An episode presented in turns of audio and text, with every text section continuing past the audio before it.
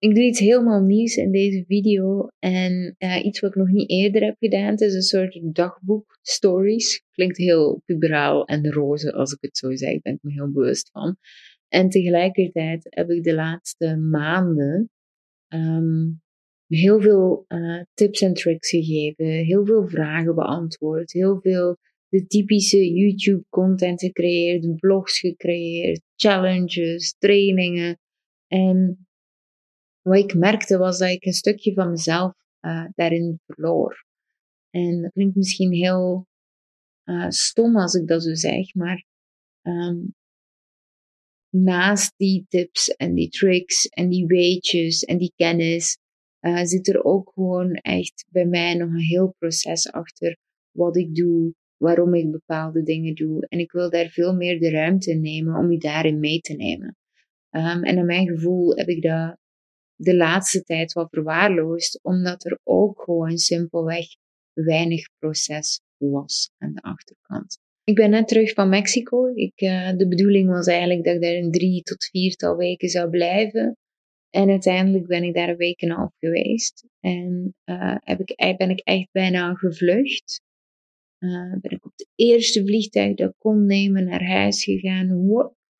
Uh, en tien uur later stond ik in Schiphol, heb ik de trein genomen naar uh, Gent en was ik thuis. Dat is super vreemd, want Mexico is mijn favoriete land. Van de landen die ik al gezien heb. Ik heb een 25-tal landen gezien tot nu toe. En Mexico is veruit mijn favoriet. En niet voor het eten trouwens, want ik vind Mexicaanse eten echt verschrikkelijk. Uh, alle dagen bonen met tacos en guacamole komt ondertussen ook weer horen eruit. Maar goed, en ik ben echt wel gek van guacamole, maar niet alle dagen. Alle dagen. En heel vet te eten natuurlijk. En um, het hals over kop terug naar België keren gebeurde natuurlijk niet zomaar. Um, ik weet nog dat um, toen als we reisden door Italië deze zomer, dat ik op een bepaald moment voelde van er klopt niet, iets niet helemaal in mij.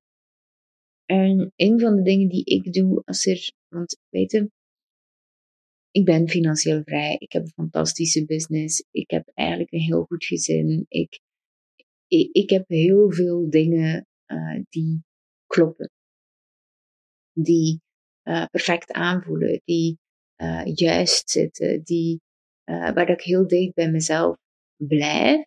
En toch, deze is zo interessant, en toch was er een deel van mij dat voelde, er is meer. Kent je die? En goed, je blijft die kennen, want die komt steeds weer terug. Bij mij was dat dus ook. Dus dat was op het moment dat we door Italië reden. En uh, een van de dingen uh, die ik en Manu, de, het grootste hekelpunt in onze relatie, en dat is ook echt het enige, is dat Manu zeer onrustig is. En ik weet niet of dat je uh, het boek van de vijf liefdestalen, ik ben het toevallig opnieuw aan het lezen, deze, de vijf liefdestalen kent. Maar um, het, het, ding is, uh, Manu zijn liefdestaal is complimenten geven. Mijn liefdestaal is aanwezigheid. Ik wil, uh, ik ontvang liefde en ik geef liefde door uh, mijn aanwezigheid. En uh, het probleem is uh, bij ons in de relatie is dat Manu vaak um, opgejaagd is, dingen in orde wil en zo verder. Waardoor dat er makkelijk, want aanwezigheid is 100% aanwezigheid. Dat betekent um, dat bijvoorbeeld Manu wil dan graag ergens heel graag zijn. En wat doet hij dan? Dan loopt hij twee meter voor mij uit en dan loop ik daar zo achteraan te hikken. En dat, dat, daar word ik enorm op getriggerd. Omdat voor mij is dat alsof dat iemand zegt, je bent niet belangrijk. Of uh, ik wil niet bij u lopen. Ik heb zoiets van, allee, waarom, waarom lopen wij niet gewoon samen? Waarom hebben we geen aandacht voor elkaar? Maar bij Manu zit er vaak zoiets van, ja, maar uh, ik wil op tijd zijn. Of ik wil dat nog doen. Of ik wil dat nog doen. En in Italië voelde ik dat ook weer heel erg. Dat Manu graag daar wou zijn. En daar was het dan te druk. En dan wou hij naar daar. En, en, en voor mij voelt dat dus alsof dat, alsof dat mijn grote liefde hè, um, altijd ergens anders is. En uh, dat zorgt ervoor dat ik mij niet geliefd voel. Maar ook, wat gebeurt er ook, is dat ik tegelijkertijd vaker kritiek begin te uiten. En wat gebeurt er als je vaker kritiek uit? Ja, als die persoon zijn liefdestaal complimenten krijgen en geven is, dan kruipt die ook in zijn schulp.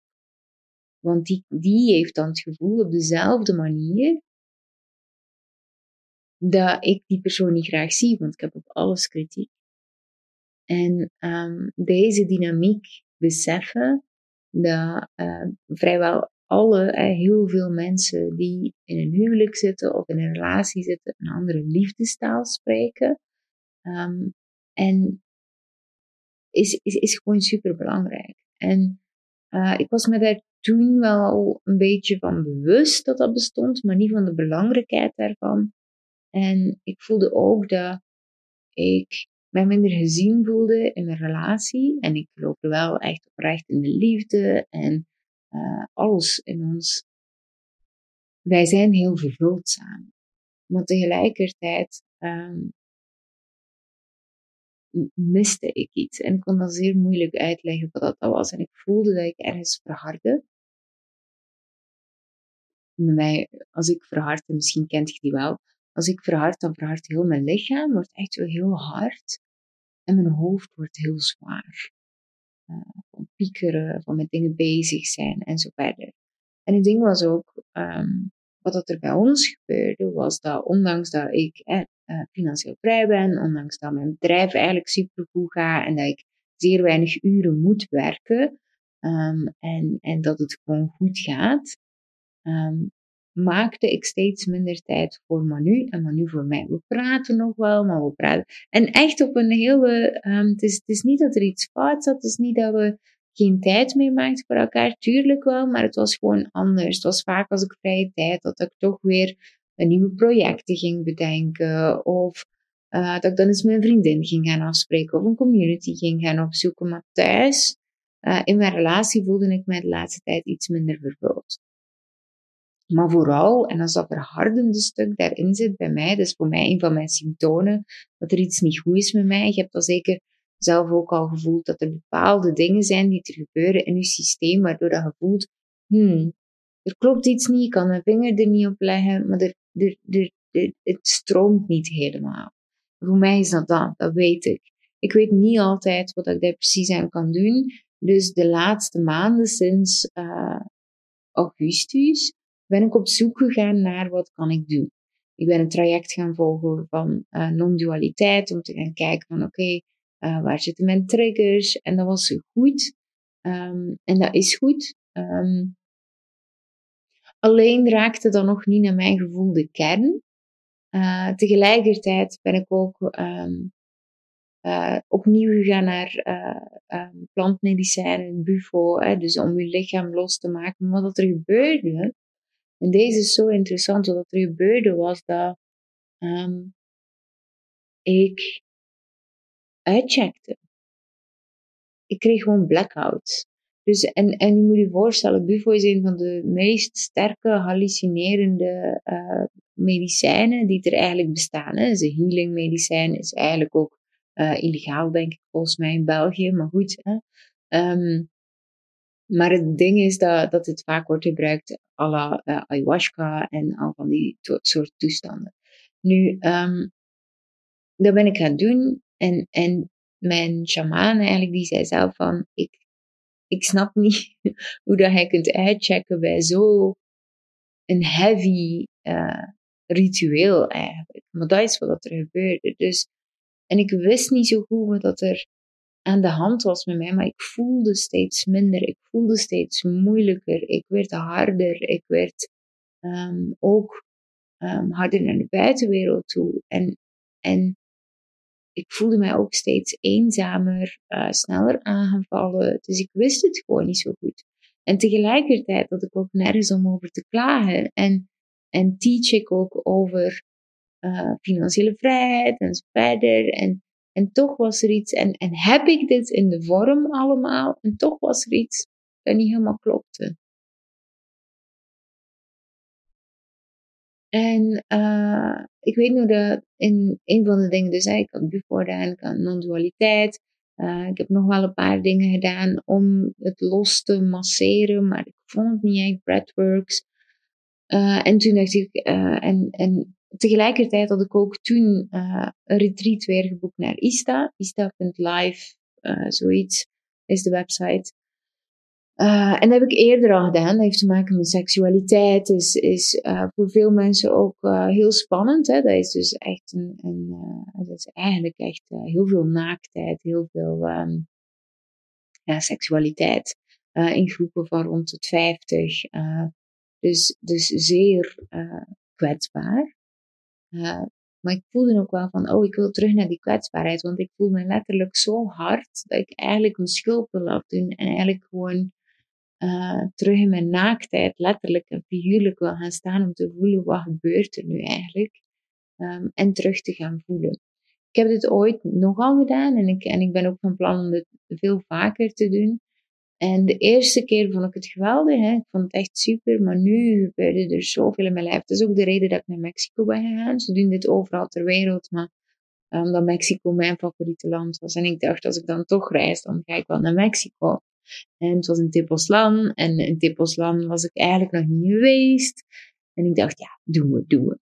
Um, ik had zoveel weerstand. Zoveel weerstand. En uh, wat ik vooral merkte was dat ik zoveel in mijn hoofd had gezeten de laatste maanden, uh, misschien zelfs jaar ondanks dat ik eigenlijk heel gevoelig ben en heel veel voel en ook energetisch heel veel weet en zie bij mijn deelnemers en zo verder, was er toch iets beginnen verharden. En daar werd ik zo verdrietig om, want het was zo moeilijk voor mij om terug te gaan voelen. En ik wist ook de laatste uh, weken vond ik het ook moeilijker om bijvoorbeeld, ik checkte steeds meer uit. Dus dat betekent eigenlijk, je kunt zo uitchecken dat je um, boven jezelf aan het hangen bent en dat je wel ziet wat je aan het doen bent, maar toch ook niet helemaal. Maar dat was het niet. Bij mij was het helemaal zwart.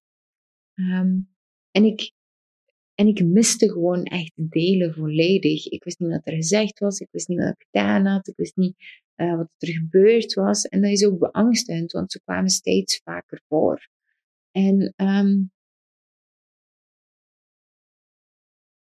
ik was tegelijkertijd ook een bepaalde angst aan het ontwikkelen. Um, en ik weet niet van waar dat die kwam. Dat mensen mij zouden zien als een soort um, bedrieger. Dat ik door de mand zou vallen. Omdat ik was gelijk geobsedeerd door het stuk van het is nooit goed genoeg. En dat is ook mijn kracht. Dus even voor de duidelijkheid. Um, mijn kracht is zien waar het niet goed is. En dat simpel maken en oplossen. Dus langs de ene kant is dat een zeer grote kracht. En langs de andere kant heb je de valkuil dat, dat niks goed genoeg is. Dat als iemand feedback geeft op een programma of, um, uh, of zegt dat hij iets minder leuk vindt of weet ik veel wat, dat je constant dat gaat betrekken op jezelf, terwijl dat ik heb zo fucking goede programma's en ik doe zo mijn best en mijn programma's zijn zeer triggerend. Uh, mijn programma's gaan zeer diep en dat zorgt voor zeer veel weerstand. En ik kon niet meer om met de weerstand van de ander, want ik had het gevoel dat ik niet goed genoeg deed dan. Terwijl, en dat was zo interessant en dat is ook iets wat ik die week heb geleerd en waar ik heel veel moeite mee had en dat ik in mijn hoofd zat en moeite had om te voelen. En um, die week ontdekte ik ook van, ja maar ik moest stoppen met zoveel verantwoordelijkheid. Ik ben op een bepaald moment zoveel verantwoordelijkheid beginnen nemen voor mijn deelnemers, voor mijn volgers. Als ik dingen zou die niet klopten, voor uh, Manu, mijn man, uh, voor, voor mensen in mijn omgeving. Ik begon zoveel verantwoordelijkheid op te nemen voor andere mensen, uh, waardoor ik zag van, hé, hey, maar dit klopt niet helemaal, of dit werkt niet helemaal, en waar ik dan eigenlijk um, wat helpen. En dat ook vaak werd gevraagd. Dus het was niet ongevraagd advies of zo, want daar uh, heb ik een mening over. Het was zeker geen ongevraagd advies. Maar het ding is, als je, je hebt al een bepaalde afspraak, bijvoorbeeld in een traject of eender waar dat je uh, verantwoordelijkheid opneemt binnen uh, de afspraken die je gemaakt hebt. Dus je hebt een contract gemaakt, een contract aangegaan tussen twee personen en veel meer. Hè. Maar je hebt een contract aangegaan en ik doe alles, alles en eigenlijk zelf meer, um, tot aan waar dat we hebben afgesproken. Maar wat je ziet is als mensen in de weerstand gaan, is dat ze meer willen dan dat er afgesproken is door het contract. Dan komen ze dus in slachtofferschap. En dan gaan ze dus zeggen, red mij, ik kan het niet. En ik begon dat dus steeds meer te doen, omdat ik mij zelf begon te voelen als een soort bedrieger. Van kijk, blijkbaar is het nog niet genoeg. Ik doe dat, en doe dat, en doe dat. En bijvoorbeeld, wat mij heel erg triggerde, was op een bepaald moment zei er iemand, um, ja, ik vind het zo oppervlakkig. En ik dacht, oppervlakkig? Oh my god, hoe kan dat? Mijn programma's zijn zo diepgaand. En ik, en ik was aan het zoeken naar waar zit de oppervlakkigheid. En, en ik kon daar ook niet aan uit. Ik zat helemaal vast. Dus ik wou het zo goed doen en ik zat helemaal vast. En tot wanneer ik ook besefte in, uh, tijdens dat retreat in Mexico, dat, um, dat die persoon geen vragen gesteld had. Geen enkele vraag in meer dan vier maanden tijd. En het ding zit, als jij niet dieper gaat in je vragen stellen, dan, dan kiest jij ervoor om oppervlakkig te zijn. Niet te zijn, maar te doen. En ik wil iets fixen waar dat er nooit een probleem is geweest. Dus wat gebeurt er eigenlijk? Waar dat een contract afspreekt en zegt van ik kom tot daar en niet verder ging constant over mijn grens. En ik heb cursus over grenzen, dus even voor de duidelijkheid. Dan ging ik constant over mijn grens om meer te doen voor die mensen, om eigenlijk nog meer te betekenen, om uh, duidelijkheid te scheppen. Uh, uh, en dan, en dan als het stil was, dan zeggen van, hé, hey, ik ben hier. Maar het is een keuze van hen. En op het moment dat je eigenlijk zegt van, oké, ik neem mijn verantwoordelijkheid tot hier en niet verder, wat gebeurt er dan eigenlijk? Dan zegt je, kijk, ik ben goed genoeg. Mijn programma's zijn goed genoeg. Ik ben goed genoeg. Ik doe goed genoeg. En tegelijkertijd was echt ook gezegd tegen degene die aan de andere kant staan, die zo op zoek is naar hulp, uh, zonder eigenlijk verantwoordelijkheid op te nemen, laten we eerlijk zijn. Maar we zeggen, dan zeg ik eigenlijk, jij bent ook goed genoeg. Jij kunt dit. En als je het niet doet, dan is dat een keuze, maar jij kunt het. En dat gaf mij zoveel kracht op dat moment, want daar heb ik echt oh, zoveel weerstand op gehad en zoveel boosheid gevoeld en zoveel uh, oude trauma's en zo verder ook uh, moeten oproepen om eigenlijk terug te gaan naar van waar komt dat eigenlijk? Want um, ja, ik, ik zei dit wel eens, ik, ik ben echt een van de grootste people pleasers geweest die je kunt voorstellen. Uh, en dat komt ook vooral door in mijn jeugd, door uh, de scheiding van mijn ouders, door iedereen gelukkig te willen houden, door um, uh, te denken dat mijn vader weggegaan is omdat hij mij niet meer leuk vindt, omdat mijn moeder verdrietig was over de relatie die beëindigd was, omdat ik niet leuk genoeg was, omdat ik beter mijn best moest doen. En, en ik ben altijd maar mijn best gaan doen voor andere mensen. En uh, ik ben echt hals over kop. Ik, ik heb al mijn training uitgedaan.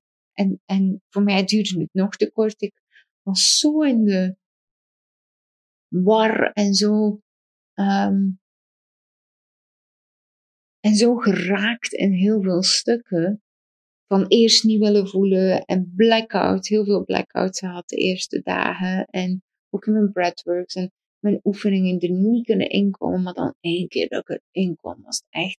Want ja, je gsm ligt uit, je um, hebt geen contact met de buitenwereld, je kunt alleen maar voelen, je bent volledig naakt in een groep met allemaal mensen die je niet kent. Um, dus ik weet niet hoeveel, je, doet rare dingen. Um, dus ik weet niet hoeveel oncomfortabeler dat ik ben en rare dingen. Ik bedoel, energetisch werk is voor heel veel mensen raar. Tot als je ineens voelt. En dan krakt je gewoon open. En dan komt er zoveel naar boven. En, en dan voelt je zoveel.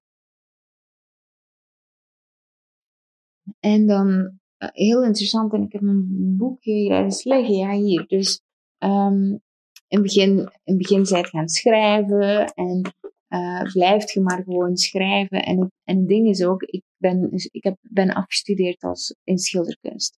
Dus ik heb schilderkunst gevolgd op Sint-Lucas.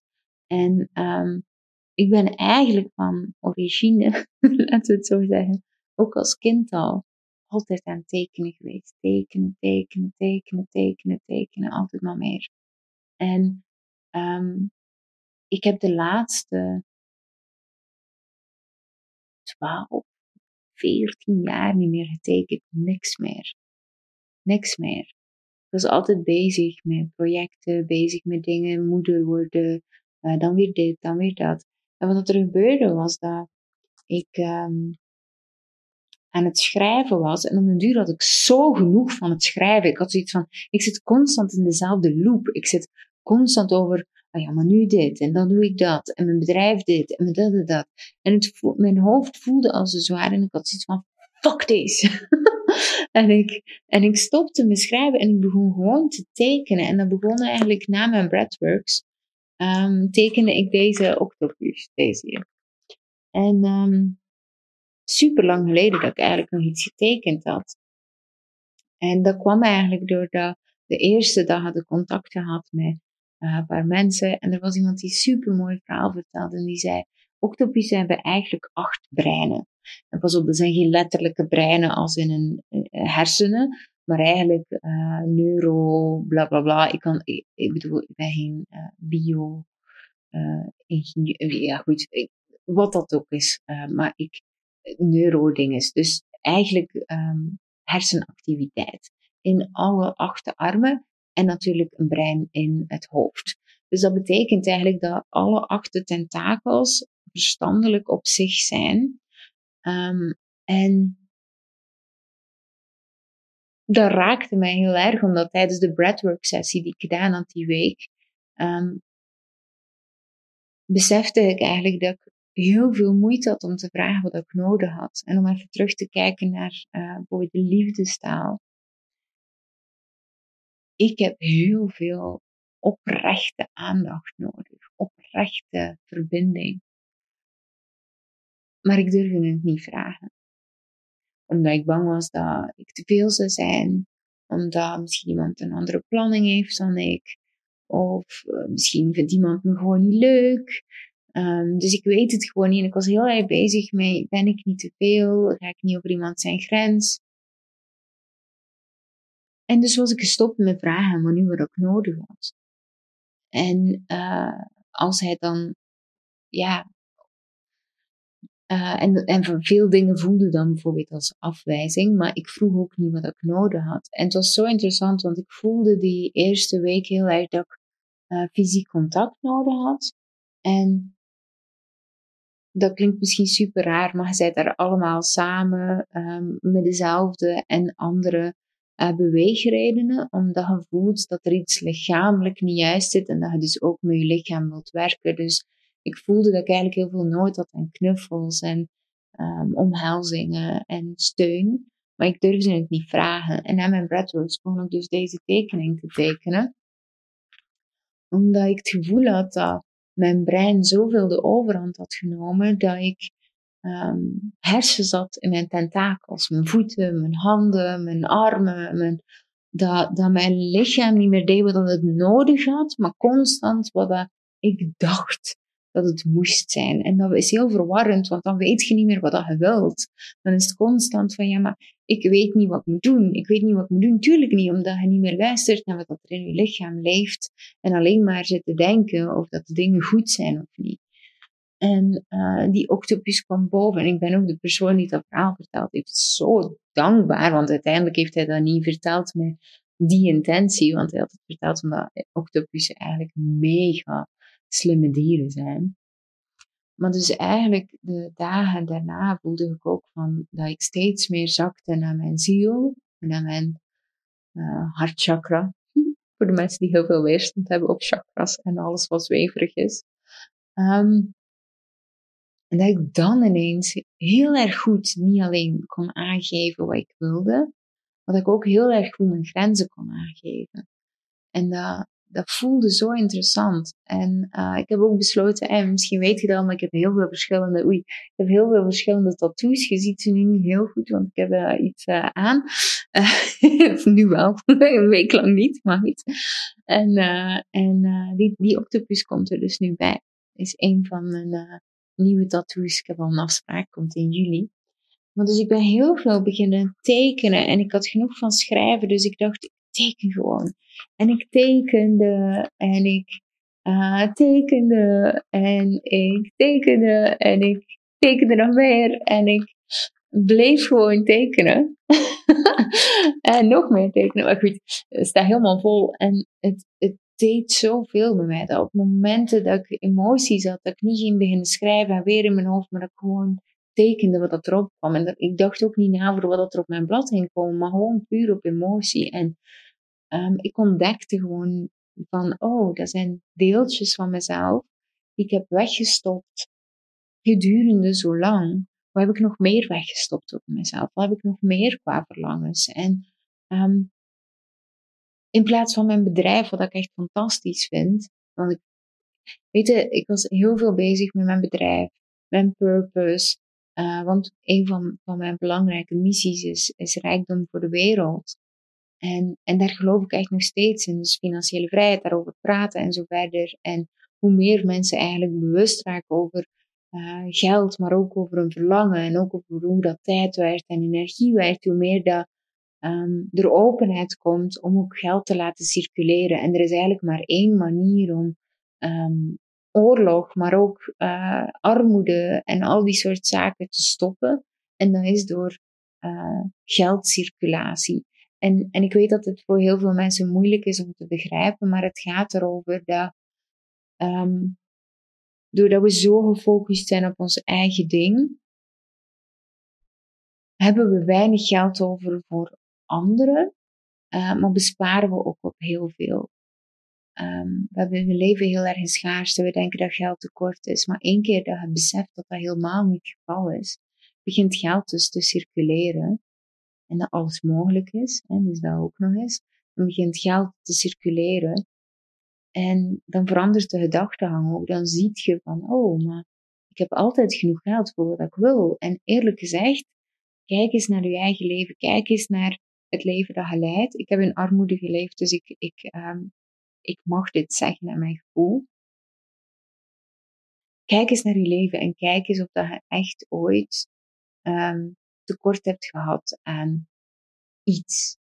Je hebt altijd precies wat je, je krijgt altijd precies wat je nodig hebt. En die is gewoon zo interessant om, om bewust van te zijn. Ook als je in armoede leeft. We zijn hier nog. We hebben altijd genoeg gehad. En het interessante is om daar bij stil te staan. En toen begon ik te kijken naar wie ben ik eigenlijk als mens. En toen besefte ik ook heel erg van ja, ik, ik ben zoveel meer en ik wil zoveel meer doen dan alleen maar mijn purpose en alleen maar te dienen. En, en ik wil, en ik, ondanks dat ik altijd maar spreek over spelen, spelen, spelen, was ik alleen maar aan het spelen aan mijn bedrijf, in mijn bedrijf. En niet meer met mijn partner, niet meer met mezelf. Ik had zo weinig zelfliefde daardoor, omdat ik gewoon geen aandacht gaf aan mij. En als die liefdestaal aandacht is, oprechte verbinding, aandacht, en je geeft ze niet aan jezelf, hoe kun je dan je purpose goed uitbrengen? Ik ben op veel dingen beginnen denken, en voelen, vooral niet denken, voelen. Um, en ik dacht, ik moet niet naar reis. En ik wou eigenlijk van alles nog doen. Ik, ik was van plan om nog twee woestijnen te doen. Ik was nog van plan van alles te doen in Mexico. En ik dacht gewoon, nee, ik wil nu naar reis. Ik wil nu alles wat ik gevoeld heb uh, meteen gaan implementeren. Het voelt ook zo ontzettend kwetsbaar om te delen, want ik ben naar reis gekomen helemaal open, kwetsbaar, maar ook in de war. Van oké, okay, um, wat ben ik eigenlijk aan het doen? Hè? Langs de ene kant heb ik al die tijd gecreëerd en ook heel veel geld in de omloop, eh, omloop gecreëerd. En heb ik eigenlijk al die ruimte voor al die energie en toch zit ik nog steeds in mijn hoofd. Dus hoe dan? um, en het, het tekenen was één ding dat ik terug heb ontdekt voor mezelf, maar ook heel veel dingen die gewoon puzzelstukjes van mezelf, waarvan ik merkte van, oh, daar maak ik eigenlijk nooit geen tijd voor. Bijvoorbeeld uh, sporten. Ik heb al een tijdje dat ik uh, aan het bijkomen ben um, en dat ik eigenlijk niet zoveel tijd steek in sporten of gewoon dat soort zaken. En als ik dat zeg, dan lachen mensen mij ook altijd uit van je hebt dat niet nodig, maar eigenlijk maakt dat geen fuck uit of wat dat iemand anders daarvan vindt ik vind van mezelf dat ik dat wel nodig heb. Ik hou van strakke kaaklijn. Ik hou van een platte buik met een. Eh, six-pack, sorry. Ik, ik hou van die dingen. Ik hou van gespierde armen. En, en niet tot een oneindige waar dat het eigenlijk bijna een of andere machine lijkt. Maar gewoon echt mega gezond en strak staan. Daar hou ik van. Maar ik vond dus geen ruimte meer om dat te doen. En ook geen motivatie meer. En ik, nu doe ik het eigenlijk al een hele week elke ochtend. En merk ik hoeveel beter dat ik me voel. Maar de enige reden waarom dat ik zoveel meer motivatie heb om dat te doen, is omdat ik mijn zelfliefde heb teruggevonden. Ik was altijd beschikbaar voor iedereen, behalve voor mezelf. En dat klinkt zo simpel en zo cliché en zo onnozel, maar voel gewoon eens bij jezelf. Doe gewoon eens je ogen dicht. Adem eens diep in en uit en beweeg je schouders ondertussen. Gewoon eens doen. En voel eens gewoon in je lichaam ook waar dat het het volste is nu. Voelt je lichaam vol of eerder hard? Of heb je vooral een groot hoofd?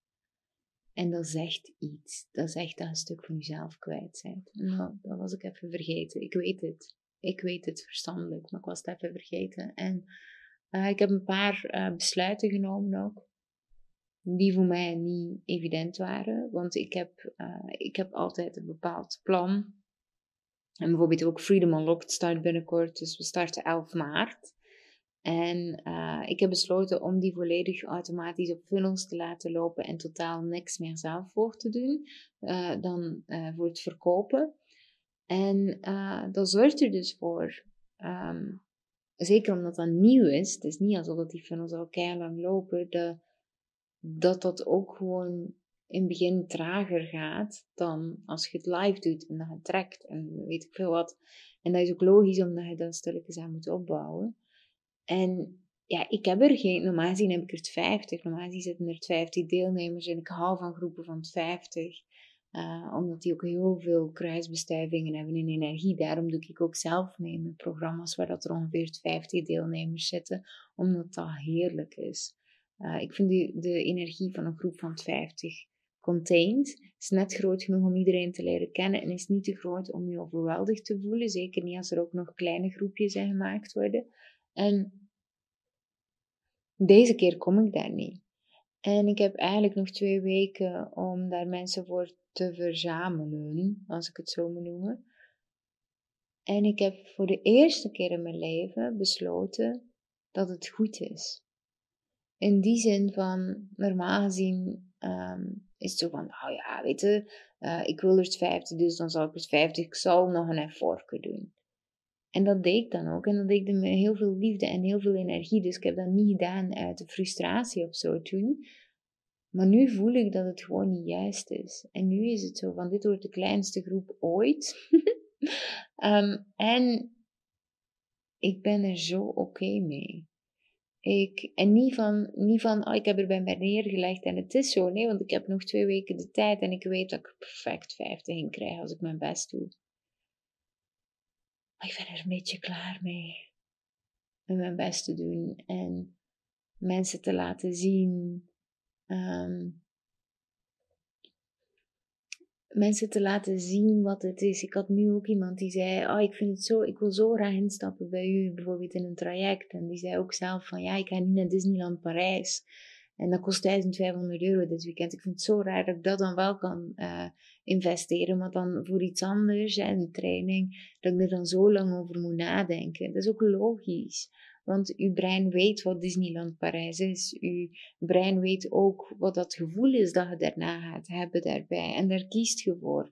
bij een traject, en zeker als het gaat over financiële vrijheid, dan is het zo'n sprong in het diepe. En daarbij weten we ook nog eens dat je veel dingen gaat moeten doen die spannend zijn. Dus er komt zoveel weerstand bij kijken dat je daar dan voor niet kiest. Maar als ik zie, en ik heb vanmorgen nog een gesprek gehad met een paar deelnemers van vroeger, wat er gebeurt als je het wel doet, ja, dat is priceless. En priceless in de zin van letterlijk. Niet alleen op basis van geld, maar ook op basis van tijd, op basis van energie. En ik denk dat dat gewoon ook zorgt dat we in de red race blijven zitten. Al die dingetjes. En um, niet durven kiezen echt voor onszelf, maar kortstondig genot en plezier. En ik ben niet anders gezien, dus ik heb het ook gedaan. Um, en nu ben ik daar dus zelf ook gewoon als mensen te bang zijn, dan zijn ze te bang. Uh, ik, ik ga niet trekken. Ik, ik ben hier. Um, en ik ben hier voor mensen die zeggen: Fuck, ik ben het zo fucking beu. En ik wil nu mijn financiële vrijheid gaan bouwen. En daarvoor ben ik er. En die mensen heb ik. Ik heb mijn groep, je. en dat is goed. En, um, en langs de andere kant is het ook weer zo grappig. Ik heb nog nooit zoveel omzet gedraaid als dit jaar. En ik heb eigenlijk nog bijna niet online geweest. Ik zit nu, we zijn nu, even denken, we zijn nu 28 februari op vandaag 2024 en ik heb 300.000 euro omzet gedraaid en ik heb nog niet gelanceerd, nog niet getrokken, nog niet. Dus, dus gewoon wel interessant dat langs de ene kant dat ik nu voor één programma het kleinste roepje ooit heb, maar wel de grootste omzet ooit heb gedraaid. Um, tot nu toe. En het nu ook, en ik weet niet waar dat het mij gaat brengen, daarom is het ook zo spannend, het echt volledig loslaat. Ik ga focussen op mezelf. Ik heb echt leuke dingen besloten. Ik wil uh, leren dansen. Uh, ik ga verder doen met mijn Spaanse les, dat ik wel al een beetje kan, maar ik wil het vloeiend. Uh, ik ga leren met de motor rijden. omdat dat iets is, dat ik eigenlijk al altijd van genoten als kind. Toen als ik klein was, ging mijn vader met mij met de motor gaan rijden. Mijn broers hadden daar niet zoveel interesse in. En ik vond dat geweldig. Dat was ons momentje. En uh, ik weet nog hoeveel vrijheid dat kan geven om met de motor te rijden. En nu wil ik dat gewoon leren, punt. En daar wil ik nu gewoon veel meer tijd voor maken, voor die dingen. Uh, we hebben bijvoorbeeld ook uh, besloten, we hebben collectief als gezin besloten dat ik, niet dat ik, dat we, één dag in de week geen schermtijd hebben. Dus geen tv, geen iPads, geen gsm's en zo verder. Dus ook niet werken, kan niet. Um, en het is zo leuk. We zijn gisteren gewoon gaan zwemmen in ons ijskoude zwembad. Het was 8 graden of zo. En, en die dingen. Daarvoor, voor die kleine, stomme dingen. We hebben nog nooit zoveel gesprekjes gehad. En, en daar bewust voor kiezen samen is zo geweldig. Uh, ik heb ook besloten om niet meer na 12 uur 30 te werken, behalve op donderdag, omdat dat niet anders kan. Um, dat is mijn dag dat ik beschikbaar ben voor mijn deelnemers. Um, en ik ben zo benieuwd ook wat er nu komt. En, um, en eerder dan als iets niet lukt of zo, een tandje bij te steken. Gewoon ja, weet je, ik heb alle tijd die ik heb afgesproken met mezelf daar ingestoken, gereserveerd. En so be it. En, en is het niet hetzelfde of daalt mijn omzet nu? So be it. Het is oké. En ik weet dat veel mensen nu ook denken van, ja, maar ja, je hebt makkelijk spreken, want jij doet zoveel omzet en zo verder. Maar um, ik geloof wel dat hoe meer en hoe dichter dat je bij jezelf blijft en hoe meer dat je dus afspraken maakt en die jezelf ten goede komen, waardoor dat je hier heel vol blijft in je lichaam en dicht bij jezelf en zelfliefde, hoe betere klanten dat je gaat kiezen. Hoe minder te, want jij weet ook dat als je aan een klant trekt, dan zijn dat altijd degenen die het minst doen.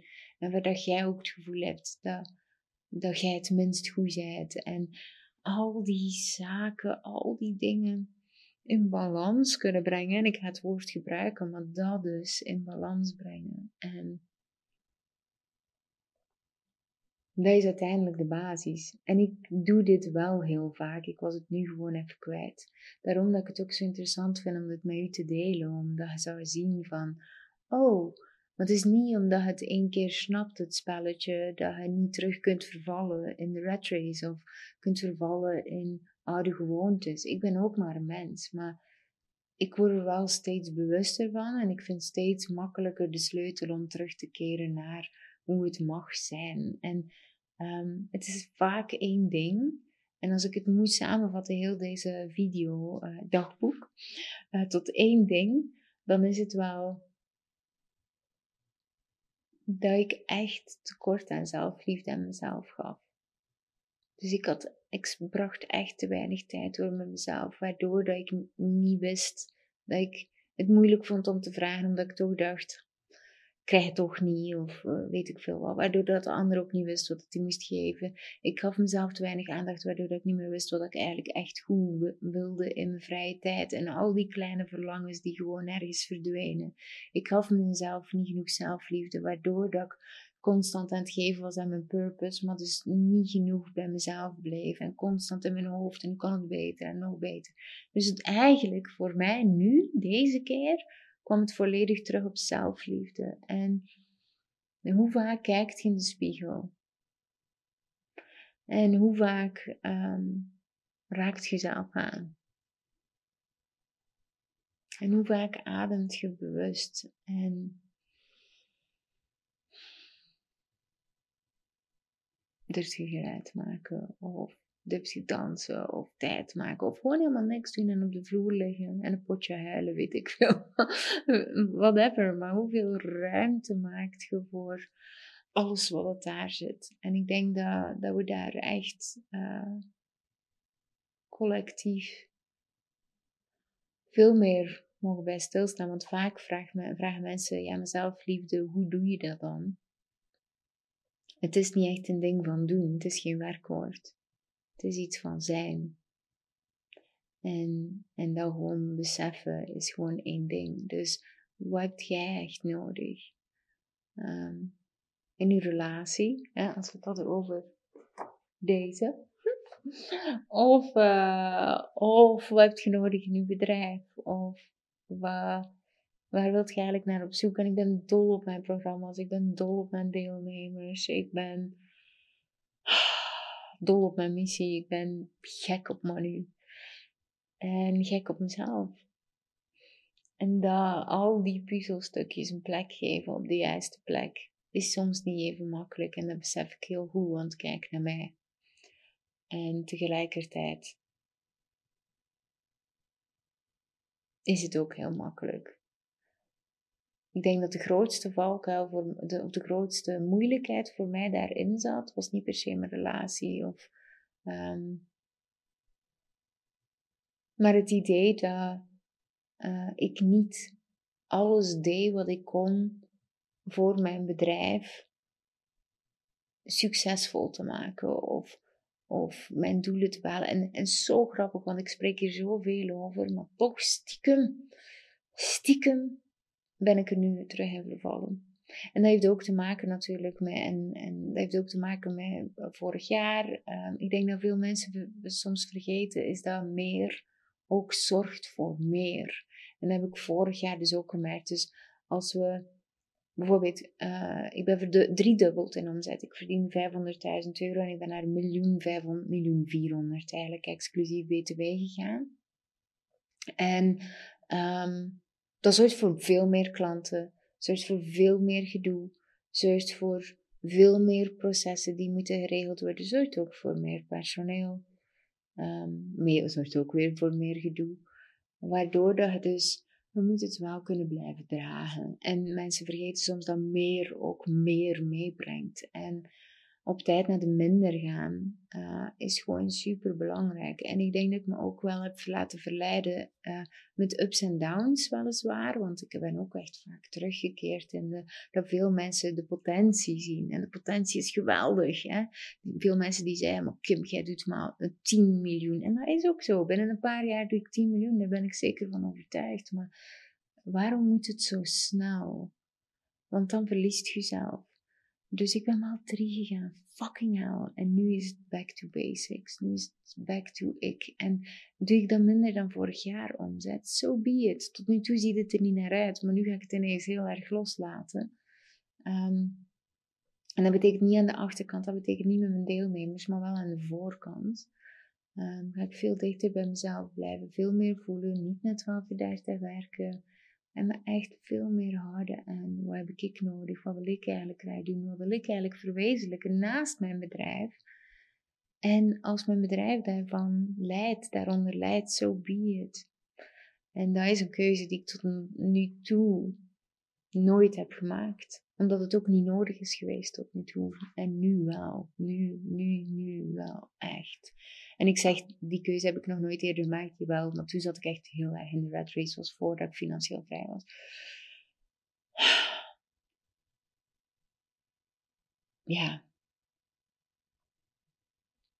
Ja, super interessant. Dus ik ben heel benieuwd wat dat gaat brengen. En we zijn zo gefocust soms op cijfers en ergens de zoektocht naar erkenning, terwijl was die erkenning?